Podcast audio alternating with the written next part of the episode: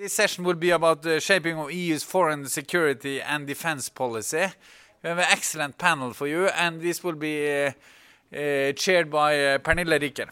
Please. Okay, so this panel is about the shaping of EU's foreign and security uh, and defense policy, implications of Brexit. And in the area of this policy area, or, or, in the area of foreign security and defense policy, there has, of course, been a number of new challenges that has appeared over the past three years, uh, which is the period when we started uh, this uh, project. We have seen a more unstable environment in Europe. We have seen a more assertive Russia, uh, to the east. We have seen failed states in the south and also had the migration crisis. And on top of that, uh, we also have a series of internal challenges that in reality threaten the very core of the EU and the integration process as such. And Brexit is, of course, one of these challenges, but perhaps not, not the most important one for this policy area, because we also have separatist movements within certain member states, like in Spain. Uh, we have populism, radicalism, and terrorism. And European security is also being challenged by the election of Trump and increased transatlantic uncertainties. And this means that it, it is an increasing need for Europe to step up and protect in, its interests and its citizens. So, in many ways, all these challenges or threats uh, is some kind of a wake up call for the EU. And we have also already seen a number of first responses. We have seen a new global strategy that is focusing on foreign and security and defense policy based on what the uh, in, in the EU call in or in this global strategy is called principled pragmatism, rather than uh, like before the EU had had the focus on rather being a force of good or normative power. And we see a renewed Franco-German defense cooperation, and with this also perhaps the beginning of an increased multi-speed integration with uh, uh PESCO uh, being put into life. And the question is, of course, if, if whether the EU will live up to this task and, and how Brexit will affect this approach. And finally, also how this will impact the relations between uh, the EU and Norway. And we are very fortunate to have a very distinguished panel to address some of these questions from different perspectives. We have senior researcher Steven Blockmans from CEPS in Brussels, who will cover the EU perspective. Steven is head of foreign uh, policy unit at CEPS, but also professor in EU law at the University of Amsterdam. We also have Professor Richard uh, Whitman from the University of Kent, who will cover the U UK perspective. Richard has written extensively on these topics and is now focusing also in his research, especially on the implications of Brexit on foreign and security policy. And Richard is also the lead editor of Journal of Common Market Studies. And then we also have Kristin Haugevik, who is senior researcher at, at NUPI. Uh, she is specializing on diplomacy, UK, and Norway-UK relations. We will um, uh, start with uh, Steve, Professor Steven Blockmans. Um, so the floor is yours. Thank you very much. Uh, thank you, first of all, for the kind invitation to come back to, uh, to Oslo. It's always a pleasure, professional and private, as you know, Pernille. Um, but I won't spend my time on uh, on all those niceties. I will just simply dive into the matter. Um, the general assumption, I think, on the on the 24th of June 2016, the day after the Brexit referendum, was that Brexit had dealt an, uh, dealt an enormous blow to the EU's standing in the world. To a certain extent, that's of course true. You have one of the biggest member states, uh, a net contributor to the EU general budget um, with a thriving economy, a nuclear power with a permanent seat on the UN Security Council, a G7, is it still G7? G8, certainly, member, one of the two EU member states with an expeditionary warfare capability deciding to turn its back on the European Union.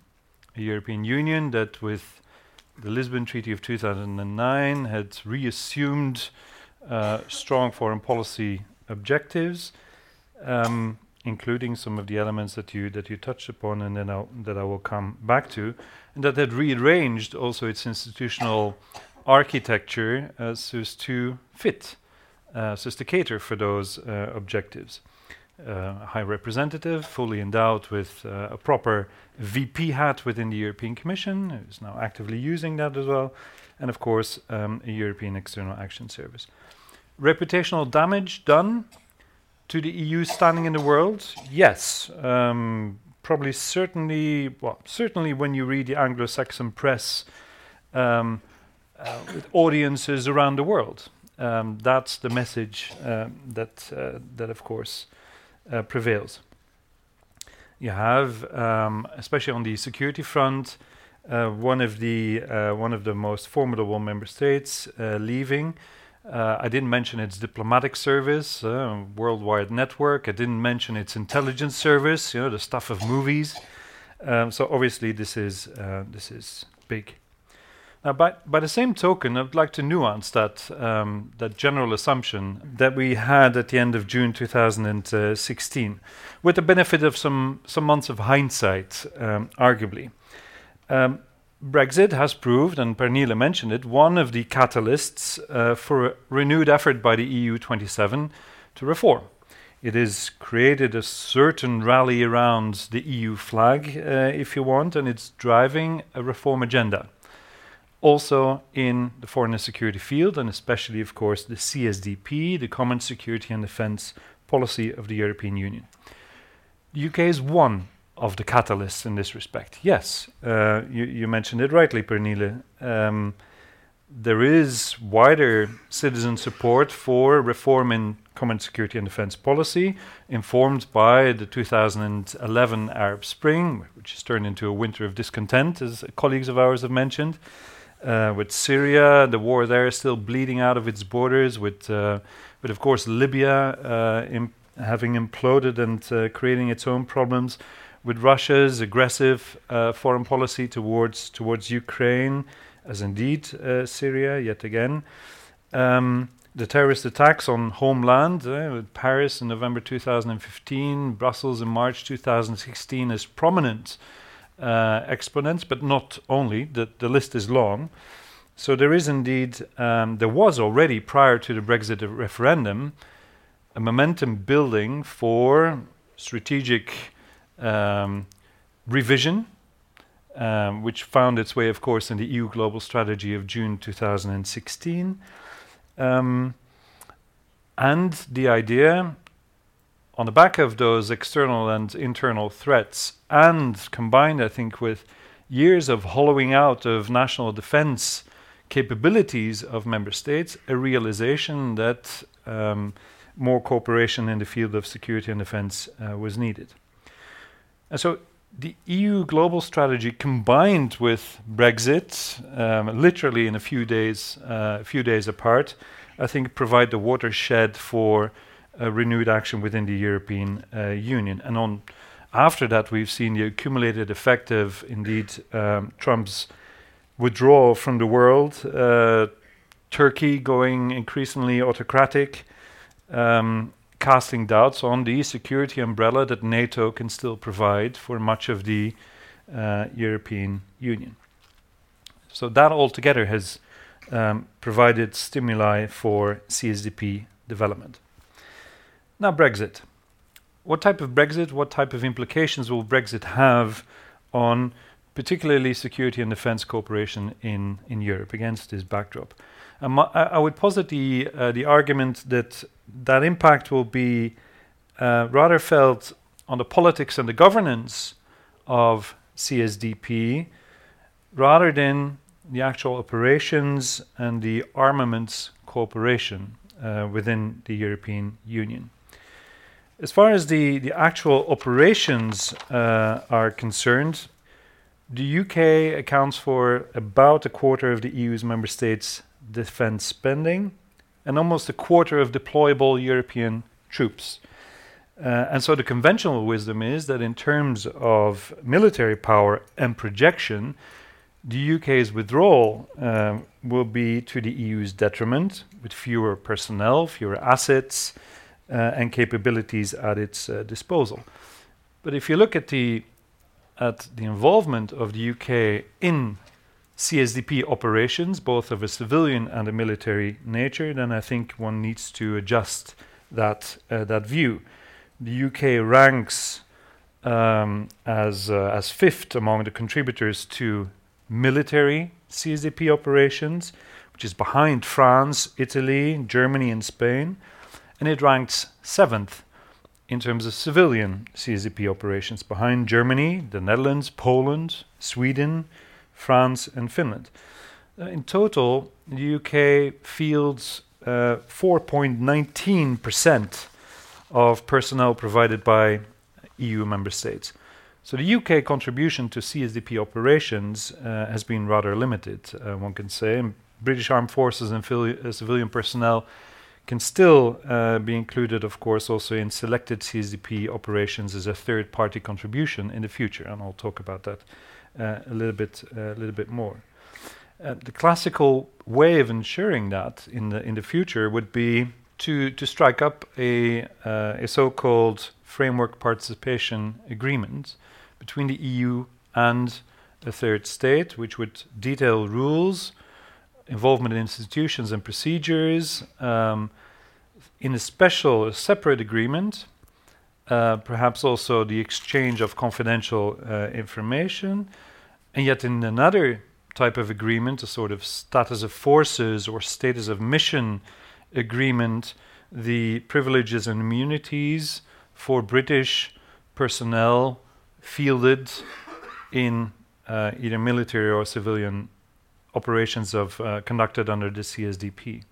Also, I think for those particular contributions, the funding allocations by the UK could be included in the so-called Athena mechanism, uh, which borrows from uh, money from the general budget of the EU and complements that with uh, with operational funding by each of the participating states, whether they are member states or indeed uh, third countries, as the EU has developed that uh, in the past and at the moment.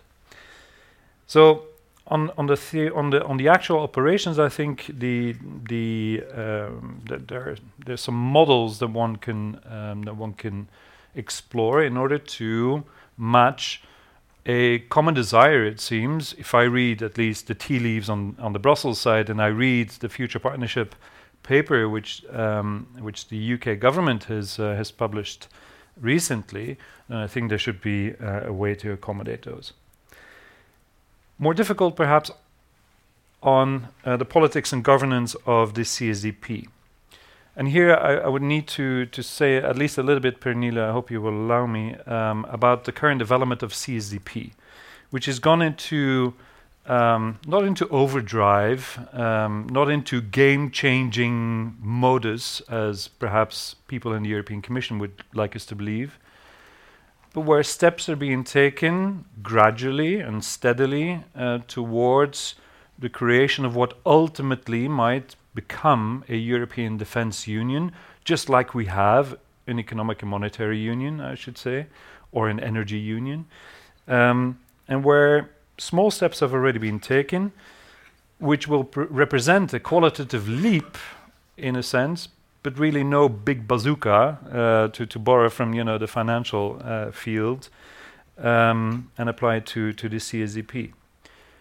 On the basis of the EU Global Strategy of June 2016, which I mentioned, the High Representative and her team within the European External Action Service have been um, gradually preparing the paperwork uh, for gradual adoption of, for example, a military headquarters, although that's named very differently, uh, military planning and conduct capability. Very small team, 30 people, I think, at the moment um, designated for non executive military missions or operations conducted by the EU. Read three training missions the EU is, uh, is, is fielding, especially in the Sahel region. A decision which was taken at 28, the UK included, in June of this year. Same period, the creation of a European Defence Fund which would pool together 90 million euro until the end of 2019 to essentially co-finance research in the defense field, which is new. And that is where you know some of the game-changing rhetoric of the European Commission comes in. But if you come to think of what 90 million is in the next well two and a half years uh, since it was adopted in the field of defense, this is peanuts essentially, this is a co-financing mechanism like the Horizon 2020 uh, where 20% is paid for by the EU budget, whereas member states, minimum of three at the moment, and past 2020, a minimum of, I believe, six or seven. Member states have to present projects for co-financing. So they have to put in money themselves. There's a catalyst on the European Defence Fund side. Helpful, but not a big bazooka, I mentioned, as of yet. If, but that's a big if, uh, dependent on the Brexit bill negotiations, as well as the next negotiations on the multi-annual financial framework for the EU 2020 going forward, which will have to take into account of um, uh, the money lost by a net contributor to the EU general budget. Um, if that materializes, then the aim is to, to, to bring 500 million euro online each year for research and uh, technological innovation in the field of defense. Now that might start to uh, to create a bit of difference and, and maybe plug capability shortfalls. But we're not there yet. That's a big if, as I mentioned. Big decision still coming up in December of this year would be the launch of PESCO, mentioned by uh, Pernille, or Permanent Structured Cooperation, a form of enhanced cooperation between a core group of member states um, that is already provided for uh, in a legal mechanism laid down in the Treaty of, uh, of Lisbon, um, which would be triggered by a number of member states, especially around the core axes of Germany and France. And the question still is how many member states would join. Here, um, if one listens on the grapevine, there might actually be more than 20 member states joining thereby influencing, of course, the uh, the speed with which PESCO might develop, which may not be that quick as uh, one would uh, one would assume. Um, what would PESCO do? Well, generally, capability development, where some of the funding would come in. Those PESCO states would actually benefit from an extra 10% funding from the European Defence Fund on top of the 20 they would already get normally. Um, so minimal, but but still uh, helpful.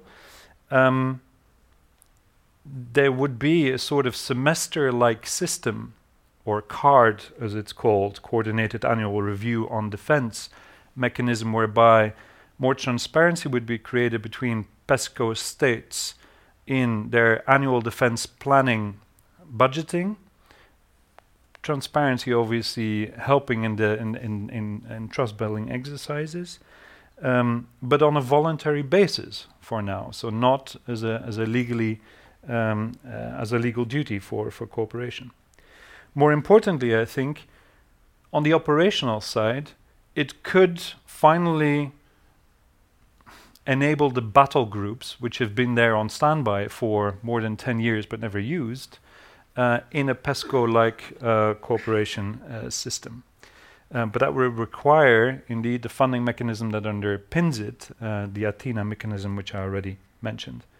And finally, I think on the, the new steps forward in uh, the common security and defense policy is um, well, the gradual creation of uh, the conditions for a single market for defense uh, to be to be emerging over time, which means essentially harmonization of standards, which is a long and painful negotiating process in any field, and it will especially be so in defense, of course. Potentially also the review of the two procurement directives which exist at the EU level, so as to plug the holes uh, for all kinds of exceptions, you know, to have fully funded, monopolized national procurement systems um, in place, which remain uh, in place as of yet. The context of Brexit on all of this? Well, money and expertise, essentially, through the general budget, as I mentioned, and um, the way in which intelligence and uh, and expertise of, of British soldiers will be incorporated both uh, in the operational sense, uh, and I, I, flagged up a potential for, for cooperation there, um, as well as in the armaments cooperation side. And that will be my, my final point here. Um, I think there the Norwegian model might in fact provide a source of inspiration.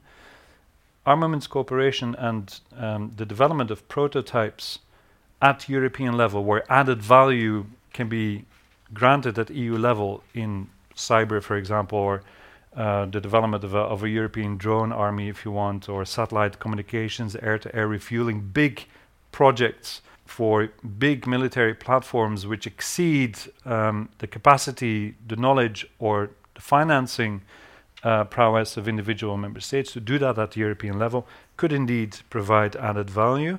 Those are channeled through the European Defence Agency, which, with Norway but also with Switzerland, has administrative agreements um, whereby third party, third country contributions um, can be uh, can be structured and would allow the BAE systems uh, of this world, British uh, armaments uh, companies, um, to contribute, but also to benefit from the research window under the European Defence Fund for PESCO through the EDA, um, as well as the the joint acquisition window um, for the actual um, well purchase of new platforms.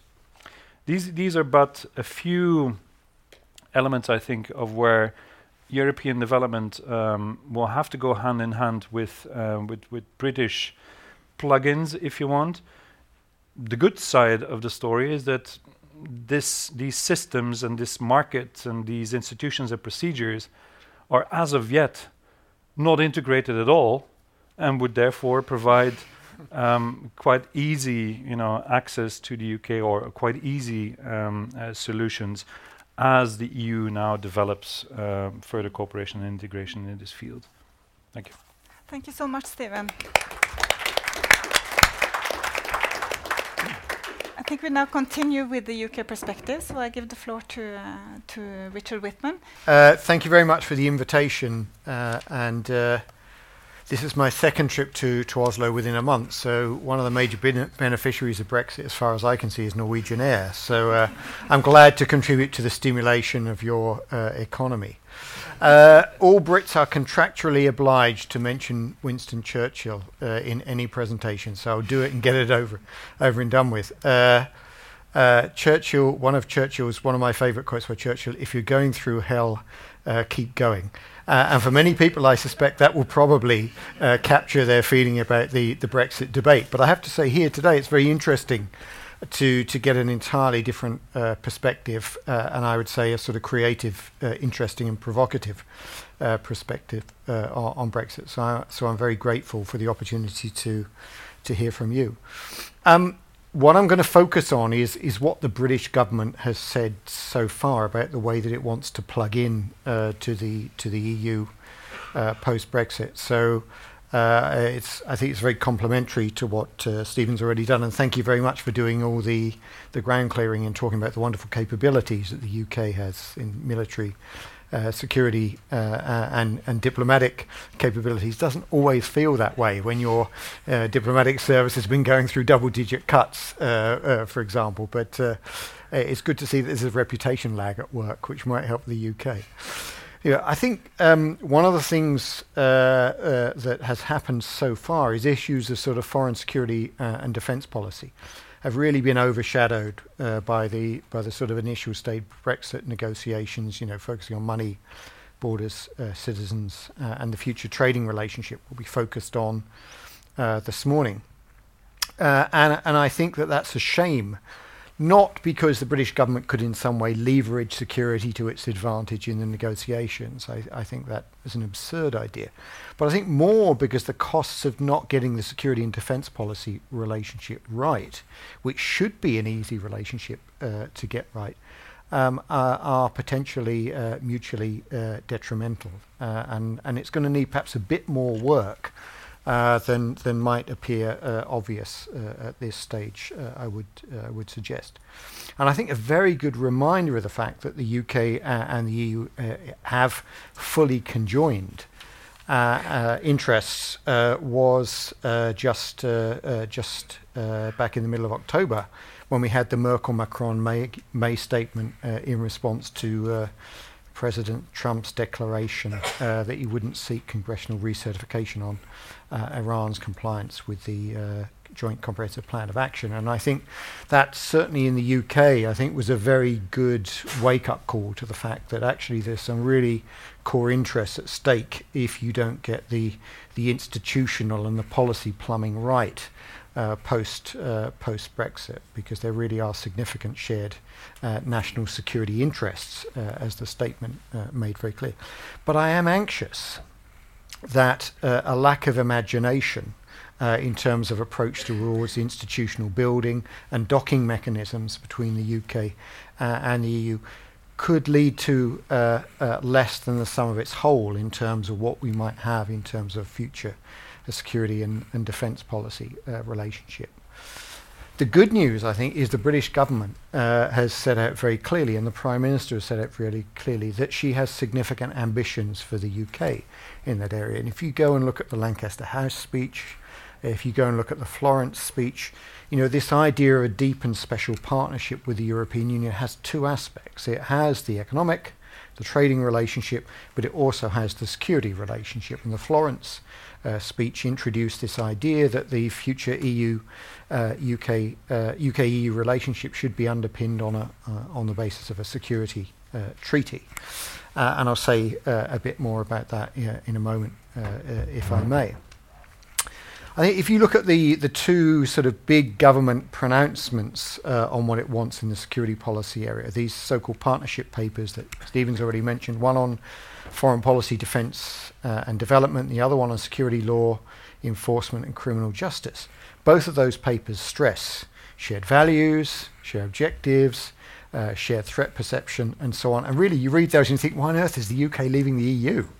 Uh, it doesn't seem to make any sense if there is this degree of uh, coincidence uh, of uh, of interests, uh, uh, and and and therein I think lies the challenge, frankly, in terms of taking that sort of identification on the part of the British in terms of the way that they see their interests so conjoined, and and creating a framework and a way of doing business uh, that makes that uh, easy. And I think, interestingly, so far, there hasn't really been anything like the response that you might have expected in some um, other member state capitals of enthusiasm for those particular ideas. I mean, if I was going to suggest to colleagues in the room from, from embassies and from other member state governments, you know, show the British some love uh, in this area. It's not going to cost you anything. Uh, and in fact, I think some responses to the British proposals would be quite interesting to say uh, the way that, that one might think about the relationship working.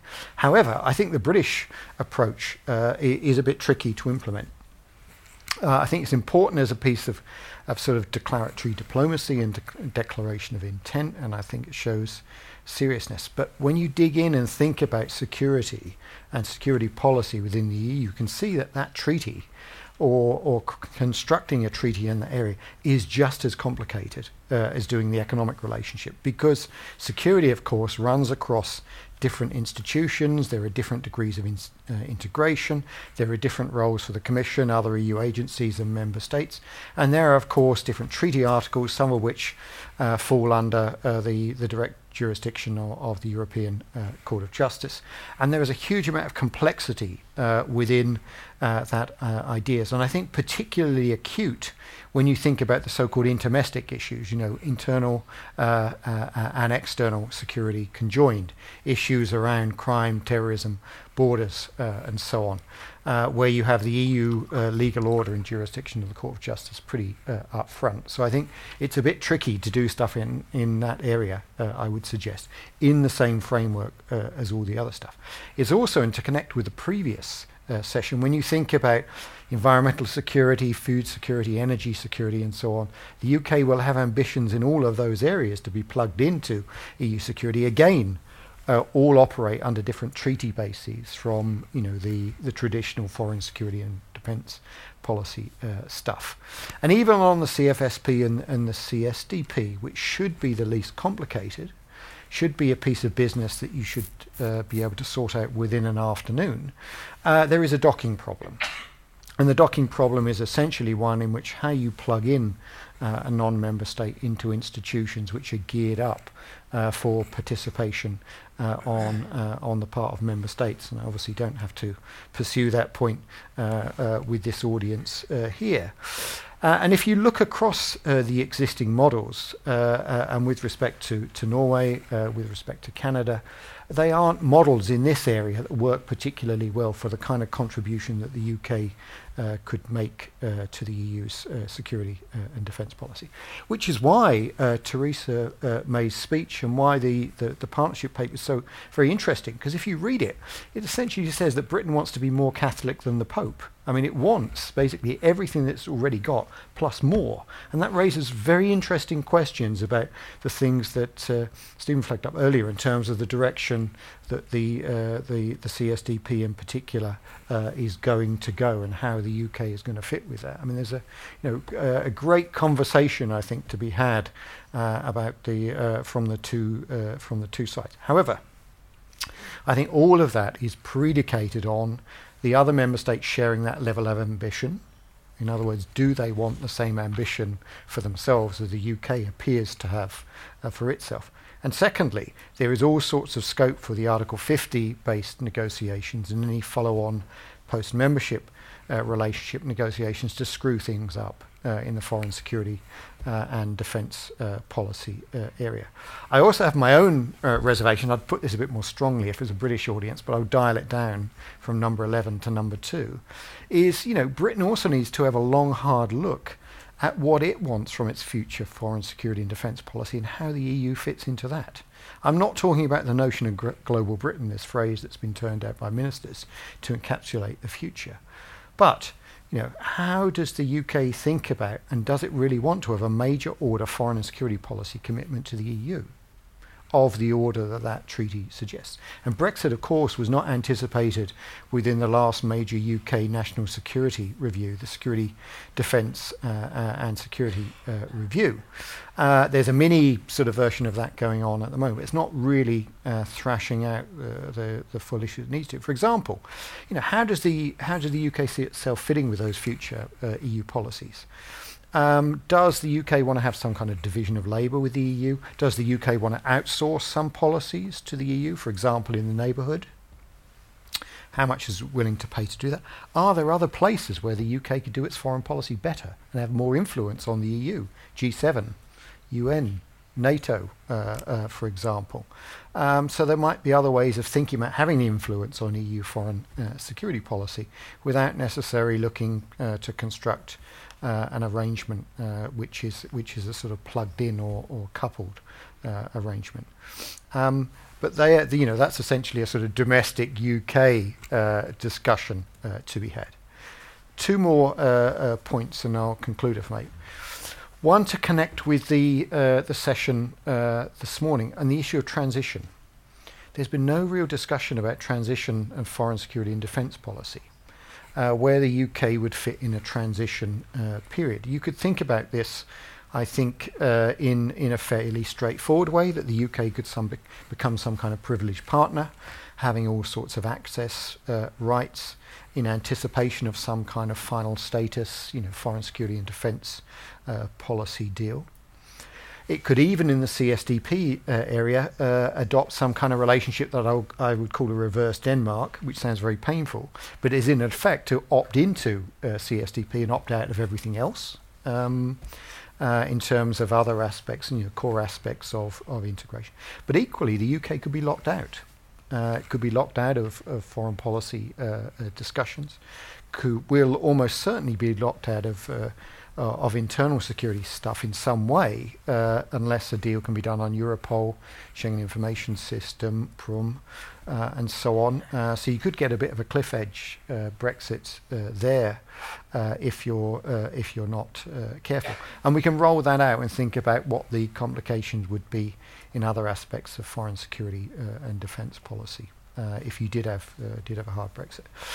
Perhaps more interesting question, this is my sort of segue uh, uh, al- along the table, is you know, what are the implications for the UK in balancing uh, its what would be a bilateral relationship with the EU on foreign security and defence policy, and its bilateral, uh, uh, uh, trilateral, minilateral and other multilateral relationships with other member states in Europe and beyond. The UK hasn't really started to think about how it might pursue what I'd call a European uh, diplomatic uh, uh, strategy. And I think that's a very interesting set of questions to be asked in other European non-member state capitals as, as much as within London, I would suggest.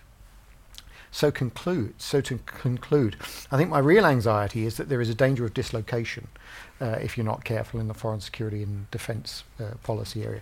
Partly because of contamination from the you know any sort of downturn in the in the negotiations, the broader uh, negotiations, but also because foreign security defence policy stuff is sort of suffers from benign neglect because everybody thinks it's going to be easy and it ends up being more difficult because the general climate of the relationship uh, uh, might turn out to be poorer than, than might otherwise be anticipated. So I'll leave it there. Yeah, thank me. you so thank much. You. Thank you. Kristin Haugevik will cover the UK-Norway relations mainly, or? Yes. Yes. Um, okay, so uh, I, am the last of, I think, 20 speakers here today, so thank you all for, for staying. Um, and I'm here to talk about how Brexit will impact on Norway UK relations, diplomatically and in the foreign and uh, security domain. And I think I would like to, to concentrate my opening remarks here today on, on two claims. Um, and those are firstly, that Brexit has already put bilateral British Norwegian relations back on the agenda. It has added new energy and, should we say, spice to the relationship. So that's my first claim. And secondly, that with Brexit, Norway will lose an important ally on the inside of the EU, and so it will need to rely more on other partners to make its voice heard in the future. And those are my two claims. But now, before I elaborate on those, let me just say a few very quick words about British Norwegian relations historically. Because if we are to observe impact or change then I think it's crucial that we set out from some kind of explicit understanding of how things used to be and how they were before that particular change occurred. Now, Britain historically had a very unique position in Norwegian foreign policy, especially when it came to security and defense matters. And in, in, prolongation, I think it's also fair to say that when it comes to, to Norway's approach to the European integration process, Britain was also a crucial ally there was this idea that there was kinship in the sense of, of thinking, politically, and in terms of culture. And I'd say, in prolongation, in the, in the case of, of Europe, also this sense of shared outsiderness. So both countries were somewhat on the outside of the European integration process. And if we study Norwegian parliamentary debates in the immediate decades after the Second World War, then I think it's striking how often Norwegian policy positions and choices were linked to British ones explicitly. So Britain was, in short, Norway's main political lodestar during this period. So Norway's decision to be a co-founder of NATO in 1949, its decision not to be part of the European Economic Community in its early years, and its choice to be a co-founder of EFTA instead, those were all tied explicitly to the relationship with Britain. Britain and Norway shared, and I'd say they, they still share, a basic Atlanticist orientation. And they had similar kinds of anti federalist instincts in response to European integration plans. And in both countries, NATO soon became the indisputable cornerstone of their security and defense politics. And so, even after Britain joined the EU in 1973 and Norway stayed outside, the two countries shared a skepticism towards any development that could make the EEC or the EU a competitor to NATO in the security and defense field. And I think this is important as a part of the backdrop.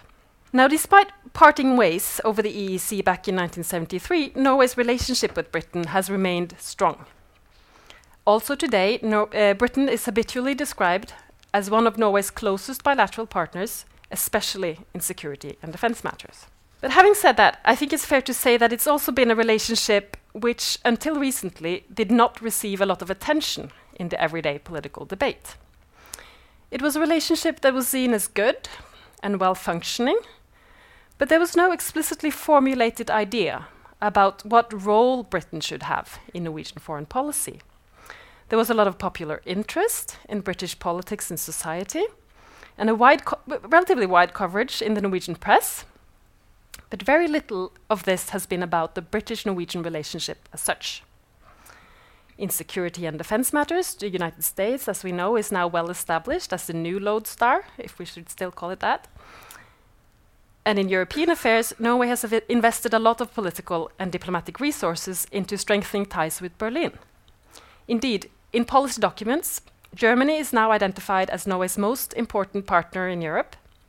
And when Prime Minister Erna Solberg first took, took office back in, in 2013, her first foreign visit was to Germany. So, what then does Brexit change?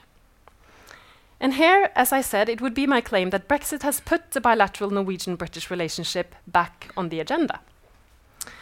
Now, in the longer run, the nature of the future relationship will, of course, depend very much on the outcome of the ongoing negotiations.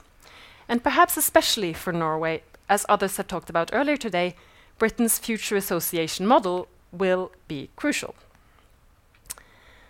So, the boring but honest answer to a lot of this is simply that we do not know yet. Now, it seems to be a very widespread prediction among commentators and observers that Bre Brexit will make Britain less relevant in international politics. And while this, I guess, might end up being the case in the longer run, I think it's also fair to say that at this point, with the process still going on, Brexit has put Britain in the diplomatic hotspot. The message from Brussels and from other member states is, of course, that it's not all about Brexit. It's not the only issue on the table, as we heard earlier today. But in terms of diplomacy, both the EU and individual European states have had to invest more in the relationship at this point. And so they are reorganizing personnel in their MFAs, they are strengthening their embassies in London, they are sending diplomats with relevant expertise, topping up their teams. And this is the case for Norway too. And meanwhile, the same is also the case the other way around. Britain is stepping up its diplomatic efforts in, key, in, key member states, and including also here in Norway. And at the political level, there are now a lot of dialogue going on. Uh, there has been a high number of meetings between senior government officials uh, this last year alone. And in fact, according to our former Minister for EU and EEA Affairs, Norway is the country that has probably had the most meetings with British ministers since the Brexit process began. I have not been able to fact check that, fact check that claim, but I think it's an interesting claim nonetheless. Um, and here we have seen over the last three years renewed public and academic interest in British politics and also renewed political interest in the future of Norwegian British relations. And the EEA agreement is, of course, one important piece in this puzzle. Security and defense is also a major issue, and many others could also be mentioned. As for security and defense, Norway has been very clear that it wants Britain to remain committed to European security and defense cooperation, and it will continue to cooperate closely with Britain inside the structures of NATO. Now, the second point I would like to make about British Norwegian relations concerns the EU level, and it's about Britain's absence rather than presence. Because one thing we do know about Brexit is that it will inevitably change intra EU dynamics. And this, in turn, is likely to influence also Norway.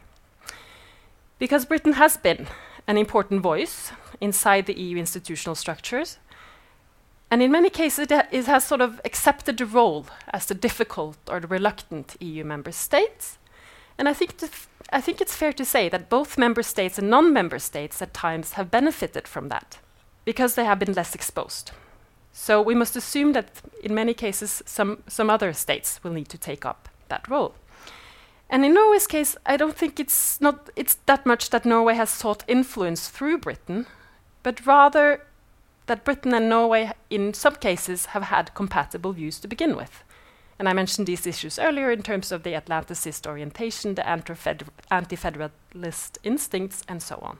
And in the Brexit process, Norwegian government officials have often emphasized precisely this point when they, when they try to explain why they wanted Britain not to leave the EU. Because Norway sees Britain as a like minded and no nonsense voice within the EU, a state which has often taken, taken a pragmatic view on things, which has kept northern, northern European interests in mind, and especially in security and defense matters. And I think it's worthwhile to note that a similar observation has been made also in many of the other Nordic EU member states. That with Britain no longer in the EU, the Nordic countries might have to think a bit differently on how it maneuvers within political debates inside the EU. When Britain leaves, and I guess we must assume that it still will, then the camp with which Norway naturally feels aligned loses an important voice. So I think Norway will need to think a bit differently in the future, and, and, Richard mentioned diplomacy. I think Norway needs to think a bit differently about how to get its voice heard in the future in EU processes, and especially maybe in security and defense discussions. And so it means maybe that even more attention will be devoted to strengthening ties with other member states. Germany stands out as an obvious candidate, the other Nordic EU member states as others but perhaps also other EU partners that are often identified as like-minded, including Germany, uh, sorry, including the Netherlands, Poland, the Baltics, and now with Macron, maybe also France. I think I'll end there. Um, but let me just conclude by saying that what I've said here today builds on two articles that I have uh, delivered to this project. So if anyone is interested in the Norwegian-British perspective, they can be read in Global Affairs and in interna Internasjonal Politikk, in English and Norwegian, respectively. Um, and other than that, thank you. Thank you so much. Thank you so much to, to all of you for a very interesting presentation. The first question is in many ways both to Richard and Kristin, and it goes to um, I mean the, the fact that we have a different uh, transatlantic relationship today with the after the election of Trump, and and he's kind of uh, being kind of a bit unclear about the security guarantees makes it a bit more difficult to because before UK and, and Norway found themselves as Atlanticists. Uh, today it, it is more difficult to to to see that this is an, an option, a real option.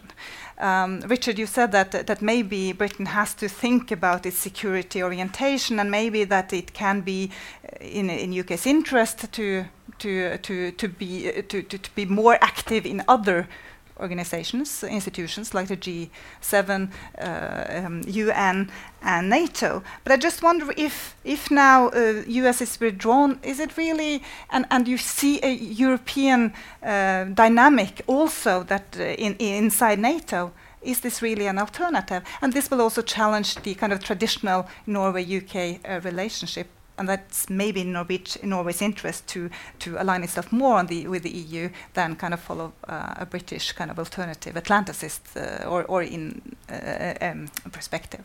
So this is the first question. The other question is more to if we will see a new um, kind of that goes to Steven. Um, if if PESCO will materialize, how do you think that this will affect um, uh, the EU's relationship to third countries? Um, because you mentioned the battle groups, that we could, could, see a revival of battle groups. And of course, here, uh, Norway is already one of the ways that Norway participates uh, in kind of the EU framework on security and defense is through the battle groups, although they have no, not been used yet. So it hasn't really been, been. But this is one way of kind of, of including a third country, and and uh, and for UK as well, of course, as a framework country for for these battle groups. So these are the first uh, questions. Um, uh, who would like to start? Steven, maybe? Well, uh, thanks, Pernille. Um, as I as I tried to say, I mean, PESCO will provide um, more structure and, and of course more political impetus to actually start doing something in the operational sphere, activate the battle groups, and um, and to do more on armaments cooperation, to to start gradually building up, you know, the conditions for um, for, for European capability development and single market for defense, however nascent that may be. And I try to, to identify you know, the, the mechanisms which can be used in order to plug in third states. You mentioned the participation of Norway indeed in the, the Nordic battle group. Um, I think I mean, with the UK's uh, expeditionary warfare capability, you know, which is formidable and lacking in so many other member states that are overstretched with their single set of forces through the UN or through NATO uh, and then the EU, um, the UK's participation is key, of course, to the success of PESCO in an operational sense, and uh, and should benefit from the same mechanisms in which the EU is already structured cooperation of third states. So that was the argument. Mhm. Thank you. Um, Richard? Uh, when I was coming on the, the train from the airport last night, there was a, a, a, a local, well, not a local, but a national news story on the, the F-35, uh, and it looked to be, as far as I could translate, uh, the uh, the training of Norwegian uh, pilots on the, the F-35 in the US, and of course, the UK is in the same position as uh, as Norway in terms of having procured the F-35, but we are buying the F-35B, which is a you know program that may not survive uh, if uh, uh, uh, just because of its its its particularities. Anyway, I think what's in interesting uh, thinking about the transatlantic relationship now is that we've we've we've over obsessed about the the politics uh, and the presidential to the detriment of thinking about all the other ways in which we're already uh, plugged in.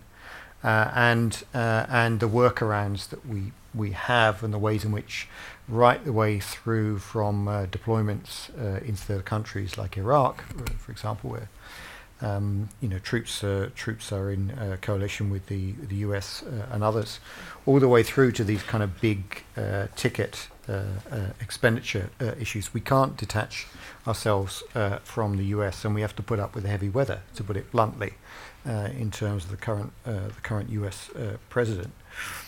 Um, uh, and, and so I think there's you know part of part of the sort of strategy has been just to just to kind of ride it out. But of course there are also the structural changes in terms of you know the U.S. interest in European security. You know the Obama administration wanting to lead from behind in in neighborhood um, uh, neighborhood uh, security questions uh, and so on. That collectively all Europeans have to have to engage with, whether they're EU, whether they're non-EU, whether they're NATO, whether they're non-NATO, um, because we we're all uh, impacted.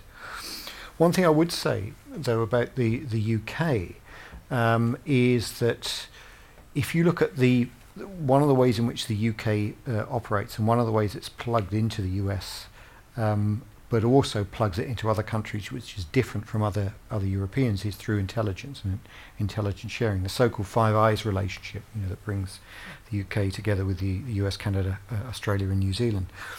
It isn't just a sort of rhetorical device. I mean, there are lots of briefings and indeed training. If you if you do the the, the sort of senior staff course uh, in the uh, in the British military that brings in people from overseas, there are sessions run for the Five Eyes partners, which are not run for others, including um, uh, you know including uh, other uh, allies. So there are all these kind of interconnections that see the UK plugged in to uh, the US and plugged into its relationship uh, with others. That means that there's quite a lot of redundancy uh, in the system uh, that does allow you to, uh, to at least in some way uh, weather Trump. But it's not sufficient uh, in terms of a sort of a, a long-term uh, political military strategy for dealing with a declining US um, commitment to Europe. And that's where PESCO fits in.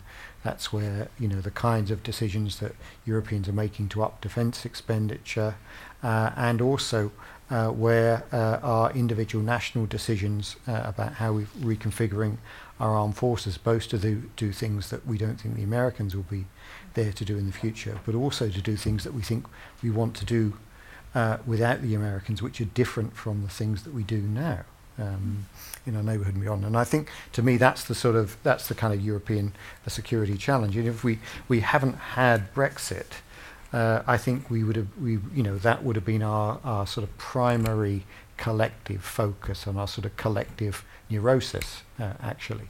Uh, and Brexit, in a way, is just you know it's a, it's a headache in comparison to the neurosis. Uh, I would say.